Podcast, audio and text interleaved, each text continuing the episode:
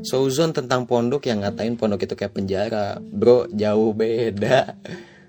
Penjara itu adalah isinya jeruji dan uh, kita akan hidup sendiri di situ. Tapi kalau pondok kita itu hanya hidup di lingkungan kecil yang di tengah-tengah teman-teman di sana.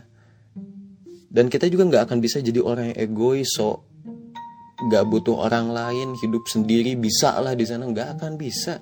Kita itu makhluk sosial. Di sana itu pasti butuh teman. Makanya stop jangan so suci yang nganggap walah gua mah nggak mau sama temenan sama dia. Dia mah cuma datang ada butuhnya doang. Emang kalau lu e, kesusahan butuh bantuan datangnya ke siapa? Kalau bukan ke temen ke jin Aladin gak mungkin. Ya, karena memang di pondok itu ngajarin kita hidup bermasyarakat banget.